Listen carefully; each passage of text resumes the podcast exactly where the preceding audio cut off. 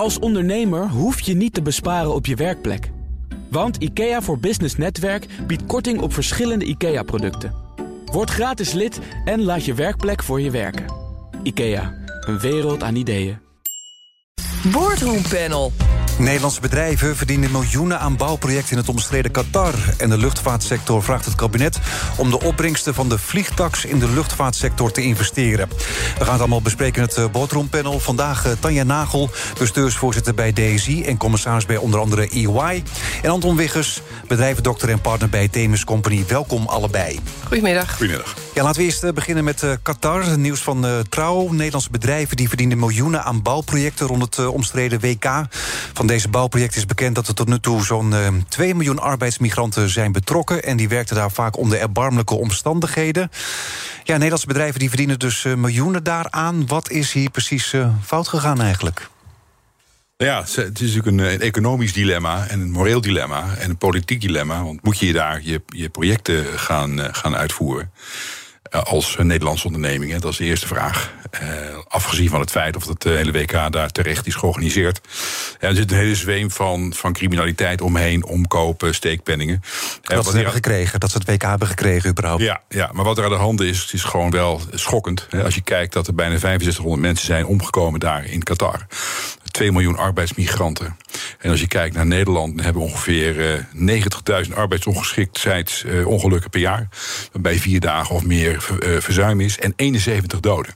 Ja. He, op een... Maar goed, er zijn 6500 overleden. Dat ja. hoeft niet altijd per se hiermee te maken te hebben. Nee, dat is niet helemaal duidelijk. Er heel veel fuzz omgemaakt. Ja. Je, je, krijgt dus de, ja, de, het is de in verhouding om... wel heel veel. Het is in verhouding wel heel veel. Maar ik zeg het er even bij, zeg maar, voor de volledigheid.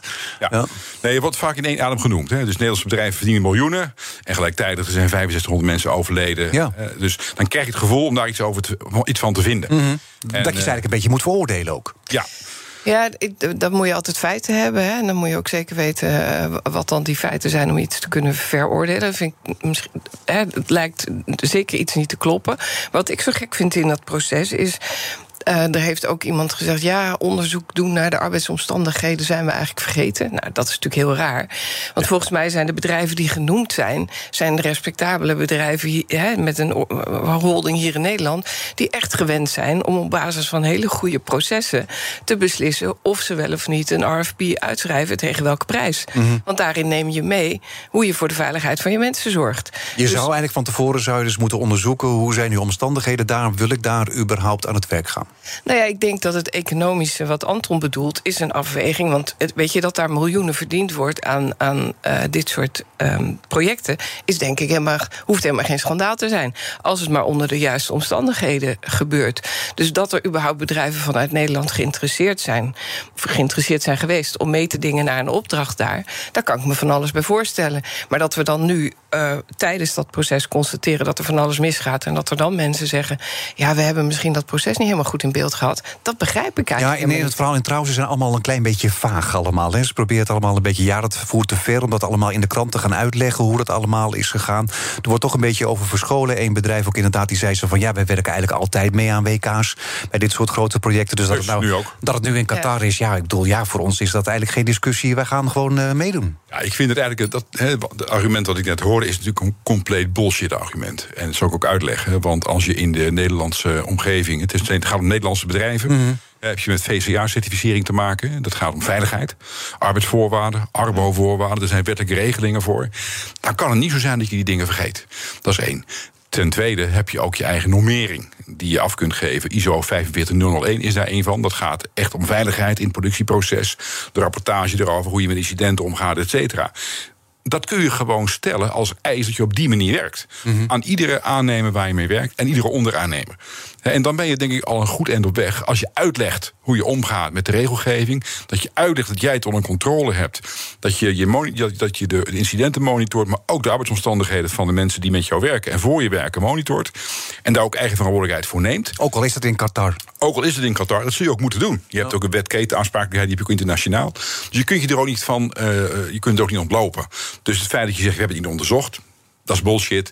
je kunt gewoon maar, maar, het, zijn niet, maar het, zijn niet, het zijn niet de kleinste Nederlandse bedrijven die daar allerlei projecten hebben gedaan. Maar wat ik er zo gek aan vind, is als je dit proces zo zou hebben doorlopen, dan was je prijs waarschijnlijk veel hoger dan concurrenten.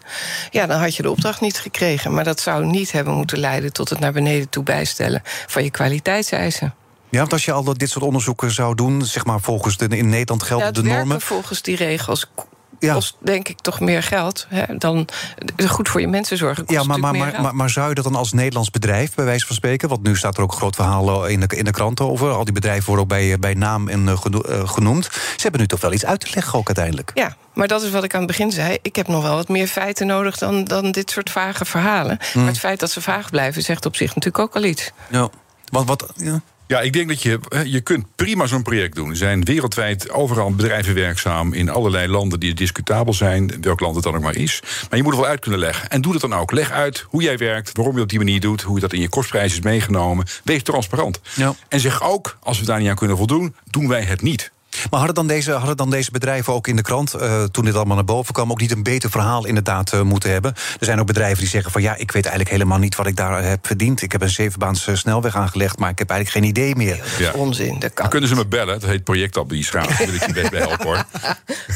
Nee, dus, dus eigenlijk hadden ze van tevoren ook al over het verhaal moeten nadenken. En van tevoren ook inderdaad moeten onderzoeken van hoe uh, worden de projecten die ik heb ontworpen, die ik bouw, hoe worden, onder welke omstandigheden worden die daar gemaakt? Ja, maar ik nogmaals, ik denk dat ze daar wel degelijk over nagedacht hebben. Dat kan bijna niet. Ja, maar waarom is dan dit verhaal dan zo? Dat, ja, dat lezen we niet. Er staat nergens dat het Nederlands bedrijf X verantwoordelijk is voor zoveel arbeidsongevallen in, in Qatar. Nee, dat staat er ook niet. Maar, maar, dat kan je ook zo niet zeggen. Maar ze hebben wel projecten ontworpen. Ze, ze hebben de projecten gedaan. Ze hebben meegeholpen aan metrostations. Dus ja, maar als je de plannen maakt, je geen doden. Hè, om zo maar nee, te zeggen. dat is waar. En natuurlijk ga je eigenlijk criteria stellen. Dus ik geloof echt wel dat die bedrijven het goede trouw zijn. Maar vertellen dat je niet hebt meegenomen in je overwegingen, dat kan ik niet geloven. En dat is ook een heel groot bedrijf die dat doet. Het ging om de waterhuishouding en, uh, en dat soort zaken. Dat is ook niet uit te leggen. En daar geloof ik ook niks van, eerlijk gezegd. Ook het ministerie van Buitenlandse Zaken was ook uh, nauw betrokken. En die heeft ook die bedrijven juist ook een beetje aangemoedigd. Ze hebben ook gezegd van, uh, nou neem maar cadeautjes van hoge kwaliteit mee voor de partners in Qatar. Zegt daarmee de Nederlandse overheid ook niet een beetje zaken zijn zaken? Ik bedoel, er is een groot project, er moet veel gebouwd worden. Qatar moet stadions, ze moeten eigenlijk alles nog hebben daar eh, in, eh, in de woestijn. Van eh, nou, ga er maar aan de slag. Nou ja, maar dan toch weer waar we het eerder over hadden, wel gewoon binnen de gestelde regels. Zoals die, als je cadeautjes meeneemt, dan moet je ook daar aan de regels houden. Nou ja, we wisten natuurlijk van tevoren, het, lag al, het was al allemaal omstreden. In 2012 hebben ze dit natuurlijk gekregen, het WK. Van tevoren waren er al twijfels over de arbeidsomstandigheden. Waren er al twijfels over de mensenrechten situatie? Waren er al twijfels of Qatar het eigenlijk wel had moeten krijgen? En hoe dat hele proces is gegaan? En dat dan het ministerie van Buitenlandse Zaken zegt van, uh, kom op jongens, hoge, flinke cadeautjes meenemen. Ik heb het wel eens meegemaakt. Ik was CFO bij een IT-bedrijf dat wereldwijd werkt in de supply chain omgeving. En uh, ja, mijn directie ging naar, uh, naar Centraal of naar Midden-Oosten. En voor een aanbesteding. En die, die, ik kwam, die kwamen terug en die namen een aantal bonnetjes mee van een aantal gekochte horloges. Ja, dat schijnt heel normaal te zijn, werd mij verteld. Nou, dan heb ik ook een moreel dilemma. Maar dan ga ik naar mijn raad van commissaris en ik ga zeggen: jongens, dit is er gebeurd. En uh, past dit in het beleid en, en ga, erover, ga erover in gesprek. Ja. maar het is niet, eh, als dingen zeg maar, op die manier werken in dat soort landen, dan hoef je, als je het maar gewoon verantwoord, is niks aan de hand. Ik heb wel eens bij een, bij een bedrijf gezeten, aan het begin van mijn carrière, een scheepvaartbedrijf. Die hadden de, de rekening steekpenning en die hadden een auto cadeau gedaan en die had het wel gewoon geboekt ja, ook belasting betaalt daarover. Dus ja, wees gewoon transparant. Klinkt heel vreemd, maar het gebeurt echt. Ja, nou ja, in, in, in, heel veel landen gaat het natuurlijk heel anders dan hier. Ik bedoel, uh, in veel landen is misschien ook, zijn dat soort dingen misschien ook nodig om überhaupt ook zaken te kunnen doen. Ja. En vaak worden daar dan lokale partners voor in, ingeschakeld om, om dan dat hobbeltje te nemen. En we hebben natuurlijk bedrijven die verdomd goed zijn in dit soort projecten. Hè. Dus zo gek is het ook niet dat we economisch gezien wat zouden willen doen. Maar um, dan zou je ook moeten kunnen uitleggen um, wat je er gedaan hebt en wat er wellicht misgegaan is. Ja. Dat moeten we nog een keer lezen dan, denk ik. Ja, zolang het verhaal maar goed is, dan is er eigenlijk uh, niet zoveel aan de hand om in dit het soort Het gaat niet om het verhaal. Het gaat om je eigen morele kompas en transparantie over hetgene wat je doet. En ook aangeven wanneer je nee zegt. Dat is meer dan alleen maar een mooi verhaal bedenken achteraf. BNR Nieuwsradio. Zaken doen. Thomas van Zeil.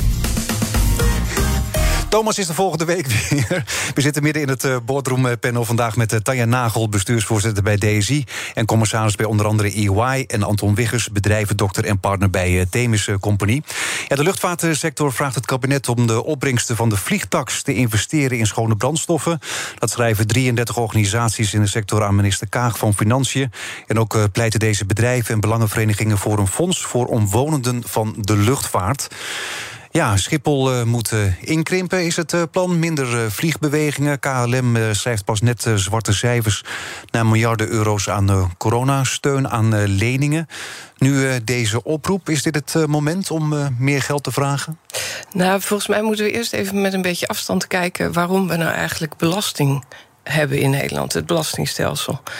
Um, we brengen met z'n allen belastingen op om te zorgen dat de overheid kan functioneren. Gezondheidszorg, wegen. Nou, Alles kan betalen. Ja, en het is niet helemaal aan het individu of de individuele sector om te bepalen waar datgene wat er aan belasting geheven wordt, aan wordt uitgegeven. Dus in die zin um, hoeft het niet te verbazen. Want die 33 bedrijven hebben natuurlijk allemaal een rechtstreeks belang bij het weer investeren in hun eigen sector van die extra belastingen.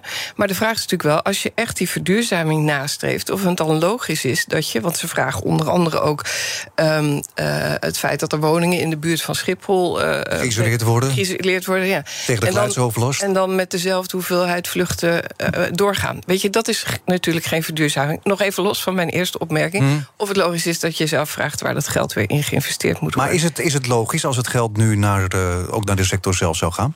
Omdat die sector juist ook zoveel moet verduurzamen? Nou, ik denk dat als de overheid. Uh, die hebben natuurlijk ook uh, in het uh, coalitieakkoord een aantal dingen aangegeven. die zeker ook de luchtvaartsector aangaan waar ze in willen investeren.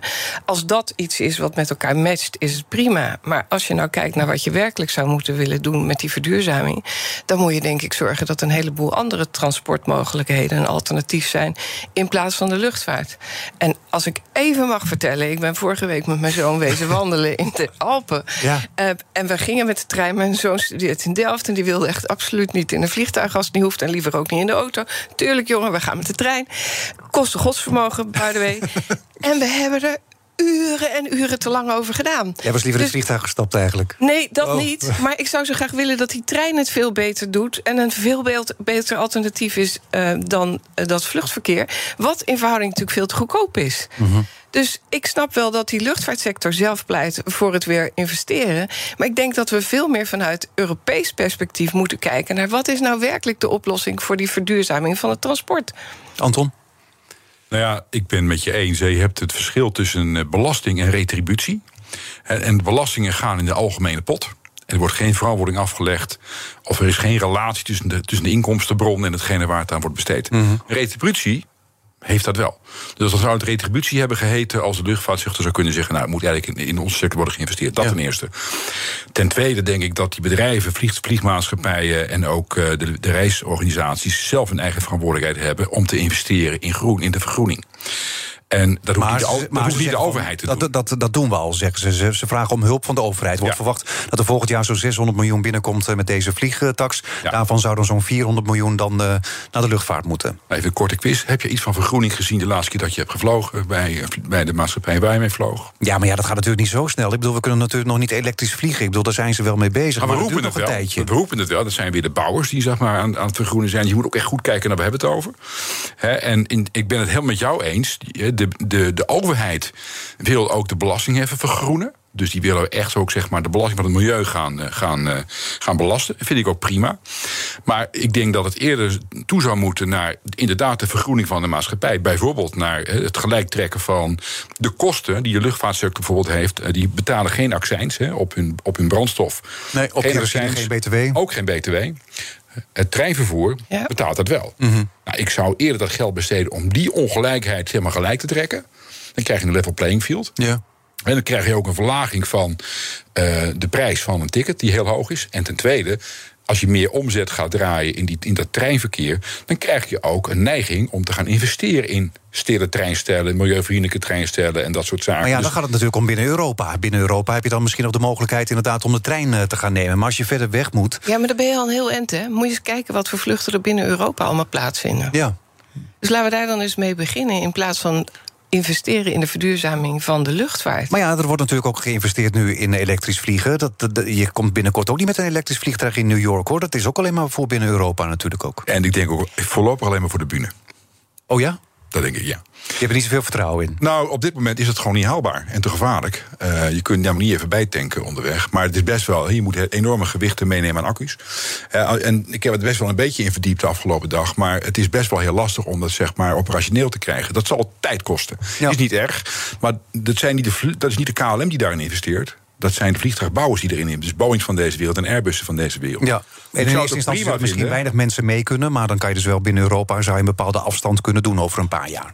Ja, nou dan zou je denk ik, ik zou, ik zou me voor kunnen stellen dat ze afstanden tot 600, 700 kilometer vanaf Ja. zeg maar, Amsterdam, dat je dat met de trein verplicht moet doen als dat kan. Mhm. En dan kun je zeg maar zelfs nog met de prijsdiscriminatie op het ticket zorgen dat mensen dat ook daadwerkelijk gaan doen. Maar ik zou eerder zorgen voor een level playing field, waarbij zeg maar, de kosten voor iedereen op, op dezelfde manier worden geallockeerd. Dus als en daarmee wordt vliegen dus automatisch duurder... en daarmee zouden ze uiteindelijk zou de trein dan goedkoper moeten het treinverkeer wordt dan goedkoper. Ja, Zeker. Ja, ja. worden. Maar je zou dus ook, eh, ook dat die vliegtax eventueel natuurlijk ook eh, kunnen gebruiken... om dan juist ook in duurzame brandstoffen te, te gaan investeren. Ja. Ik bedoel, iedereen zegt toch dat, dat, dat KLM, eh, dat Schiphol... toch erg belangrijk is voor de Nederlandse economie. Dus als je als dan de overheid zou dan toch dat ook kunnen ondersteunen... en eventueel dat, ge- dat geld van de vliegtax daarvoor kunnen gebruiken. Ja, maar dan komen we terug bij de vraag wie bepaalt dat dan? Kijk, ik snap best dat de vertegenwoordigers van die sector een oproep doen aan de overheid om. Nou, zij zeggen ook dat het in het regeerakkoord beloofd is... maar ja, er staat niet dat het geld van de vliegtax naar de Nee, schonere brandstoffen zou Dus dat ze daar een oproep toe doen, prima. Maar uiteindelijk bepaalt de overheid natuurlijk. En dat is maar goed ook, dat dat, dat los van elkaar staat. Ehm, dus aan de overheid, denk ik. Ja, en als zij een handje helpen, dan is dat geen enkel probleem volgens jullie? Nou, dat doen ze wel. Er staat volgens mij een eh, groene fabriek voor kerosine, groene kerosine in de Eemshaven. Ja. Gesubsidieerd eh, met name de lokale overheid en ook de Nederlandse overheid. Dus prima om dat te doen. Ja. En als jullie die 600 miljoen eh, zouden mogen verdelen... dan zou het inderdaad, waar zou het dan naartoe gaan? Meer naar de trein? Ja, dan zou ik, dan zou ik dat eerder in dat soort oplossingen proberen te vinden. En sowieso ook de vraag stellen: moet je op, moet je op zich wel reizen? Maar nou ja, dat is misschien een andere vraag. Maar ik zou het eerder in de trein investeren. Want dat is al elektrisch, hè, dus hoef je niet zoveel meer te doen. Dan in de, dan in de sector eh, zelf. Ja. Tanja? Ja, ik denk ook in alternatieven. En dat we echt af moeten van al die eh, korte vluchtjes. Die, die, als je een goed treinnetwerk in Europa hebt, toch een groot deels kan vervangen. Dan moet je ook wel zorgen dat je op de goede plek uitkomt, natuurlijk. Maar daar kan je beter in investeren, denk ik. Oké, gaan we naar de Just, eh, Just Eat Takeaway. Want de geschorste operationeel directeur daar, eh Jurgen Kerbig... die mag eh, terugkeren bij het bedrijf, althans als het aan het bestuur eh, ligt. Zijn herbenoeming wordt nu voorgelegd aan de aandeelhouders van de Just Eat eh, Takeaway. Ja, hij werd in eh, mei geschorst. Kan je nog heel even uitleggen waarom ook alweer? Ja, wisten we het maar. Nou ja, wegens vermeend ongepast gedrag op een bedrijfsfeest. Ja, wat hij precies gedaan heeft is een beetje onduidelijk, hè? En zijn contract verviel net op dat moment en hebben ze dat niet verlengd. Daar ging het om. Ze hadden het voorgelegd, maar uiteindelijk hebben ze het toch weer teruggetrokken. Ja, we hebben het ook eerder besproken in het, in het panel. En dan is ook de vraag van oordeel niet zonder vonnis. Dus dan ga je eens proberen onderzoek te doen. Want in- op dit moment, als er iets zich voordoet in, deze, in, in, dit, in, dit, in, dit, in, deze, eh, in dit segment, dus eh, on, ja, onhoorbaar gedrag of intimidatie, seksuele intimidatie, is dat gewoon groot nieuws. En eigenlijk ben je al veroordeeld als je naam wordt genoemd. En dat geldt ook voor deze meneer. Dus ik vind het heel goed dat ze onderzoek hebben gedaan. naar wat Maar nou we weten niet wat er is gebeurd. Is het ook heel goed dat ze dat niet bekendmaken wat er Ja. nou precies is gebeurd? Als jij wat doet op een feestje van BNR, en dan- dan zal het ook niet worden gepubliceerd. Nou, dat dat is ook niet nodig. Nee, dat hoeft ook niet. Ik denk op het moment dat je als beursfonds dat er is gebeurd wat echt ook de beleg moet weten en de stakeholders, dan moet je dat ook communiceren. Wat er dan gebeurd is. Dat hoef je niet te vertellen. Als het straf een feit is, moet iemand gestraft worden. In dit geval hebben ze zeg, zeggen ze: we hebben onderzoek gedaan. Dan moet je kijken: is er aangifte gedaan, ja of nee? Hè, is er een strafrechtelijk onderzoek gaande? Weten we ook niet, hè? Volgens mij is dat niet het geval. Nee. Dus ze hebben onderzoek gedaan, daar gaan ze ook geen details over geven, ook in het kader van de privacy. Nou, dan mag je ervan uitgaan, denk ik op dit moment, de goede trouw, dat ze dan kennelijk geen argument hebben gevonden om hem niet te herbenoemen. Ja, want Jitse Groen zegt ook... als hij onschuldig is verklaard, dan is hij ook onschuldig eh, verklaard, eh, Tanja. Nou, je bent altijd onschuldig tot je schuld bewezen is. Hè. Daar ben ik het zeker mee eens. Wat ik hier een beetje lastig vind, is dat je ook helemaal niet weet of het een externe partij is geweest die dat onderzoek heeft gedaan. Ehm, Advocaat eh, op de Zuidas. eh, ja, kantoor. dan komen we meteen op een andere discussie, Ja, die nee, overigens ook interessant Die is is. ook interessant, ja. Ehm, eh, want wat je wel graag zou willen weten is. eh, ja, toch in een soort van openheid. Ik ben helemaal met je eens. Je hoeft niet te weten wat dat gedrag precies is. Maar je zou wel dat die processtappen op de een of andere manier willen zien. Want dit is, dit, dit is dan te makkelijk. Zo van nou, we hebben een extern onderzoek. We, we zeggen niet wat er is gebeurd. We hebben een extern onderzoek laten doen. Daaruit is gebleken van dat er niks is gebeurd. Dus hij kan benoemd worden. Dat vind, dat vind je eigenlijk te makkelijk? Of? Ja, nou, um, als je het zo zegt, denk ik, ja, daar kan je best mee eens zijn. Maar nogmaals, dan moet je wel zeker weten dat het een extern uh, onderzoek is geweest. Wat voldoet aan die stappen die we nou de afgelopen weken in de kranten alsmaar voorbij zien komen. Hè. Is, heeft de feitenonderzoek plaatsgevonden? Hoor, wederhoor. Um, derde stap weet ik even niet. Ja, ik, ik, laat ik even die discussie uitleggen over externe onderzoeken. Want de tuchtrechter vond uh, voor de advocatuur die besloot vorige maand dat onafhankelijk onderzoek niet te combineren is met een rol als advocaat bij één en dezelfde klant. Want meestal worden dit soort externe onderzoeken ook door advocaten gedaan. Hè? Ja. Ja, en dan zou de indruk kunnen ontstaan dat hij met name werkt voor uh, het bedrijf waar ook andere zaken um, door, door de advocaat door worden gedaan. Dus extern onderzoek is de vraag dan: is dat inderdaad een, een geheel externe partij? En zijn die stappen doorlopen die maakt dat je redelijk beeld hebt bij het onderzoek. Nog even los van wat er inhoudelijk gebeurd is. Daar kan ik me van alles bij voorstellen. Tegelijkertijd, hè, ja, je bent niet schuldig uh, tot je schuld bewezen is. Dus ik snap wel dat die voor herbenoeming wordt voorgedragen. Ik denk ook dat als de Raad van Commissarissen die stap zet om dat aan de aandeelhouders voor te leggen, dan hebben die kennelijk die afweging ook gemaakt. Dat vind ik dan ook wel wat geruststellender. Maar het is toch een beetje gek dat het dan niet wat transparanter gebracht kan worden. Nou ja, Groen die zei ook dat het onderzoek nooit bekend zou zijn geworden... als er niet toevallig over zijn herbenoeming zou gestemd moeten worden. Dus eigenlijk zegt hij dat ook een beetje zo van... Uh, nou, laat ons een beetje met rust, dit is gewoon een interne zaak... we hebben het opgelost. Maar het was wel materieel, zei hij erbij. Ja, maar ja, goed, ik bedoel eigenlijk zo van... we hebben het intern goed opgelost en we gaan weer door. Nou ja, dit kan je gewoon schade berokkenen. En dat wil je gewoon niet. Dus je moet ook je reputatie bewaken. En daar hoort dit ook bij. En ik denk inderdaad, die transparantie over de te nemen stappen... vind ik eigenlijk wel een mooie. En daar kun je prima een protocol over afspreken. En hoe je dat doet en ook wie dat doet. Dat het nooit zeg maar de eigen accountant is of de eigen advocaat. Daar kun je prima afspraken over maken. Maar dat wil niet zeggen dat je dan open, moet openbaren wat er gebeurd is, hoe het is onderzocht en wat de conclusie is. Als iemand zegt het is onderzocht volgens dat protocol, er is gebleken dat er, niks, dat er niets is uh, waar we iemand op kunnen veroordelen, niet op moeten aannemen, dan moet je er ook van uitgaan, als de commissarissen er ook naar hebben gekeken, dat het op een zorgvuldige wijze heeft plaatsgevonden. Dank jullie wel. Tanja Nagel, bestuursvoorzitter bij DSI... en commissaris bij onder andere EY. En Anton Wiggers, bedrijvendokter en partner bij Themis Company. Zometeen eh, praat ik verder met mijn zakenpartner over voeding... en we gaan het hebben over inloggen bij de ECB. Een kleine update maakt een wereld van verschil. Daarom biedt IKEA voor Business Netwerk... gratis snelle interieurtips en ideeën. Word gratis lid en laat je werkplek voor je werken. IKEA, een wereld aan ideeën.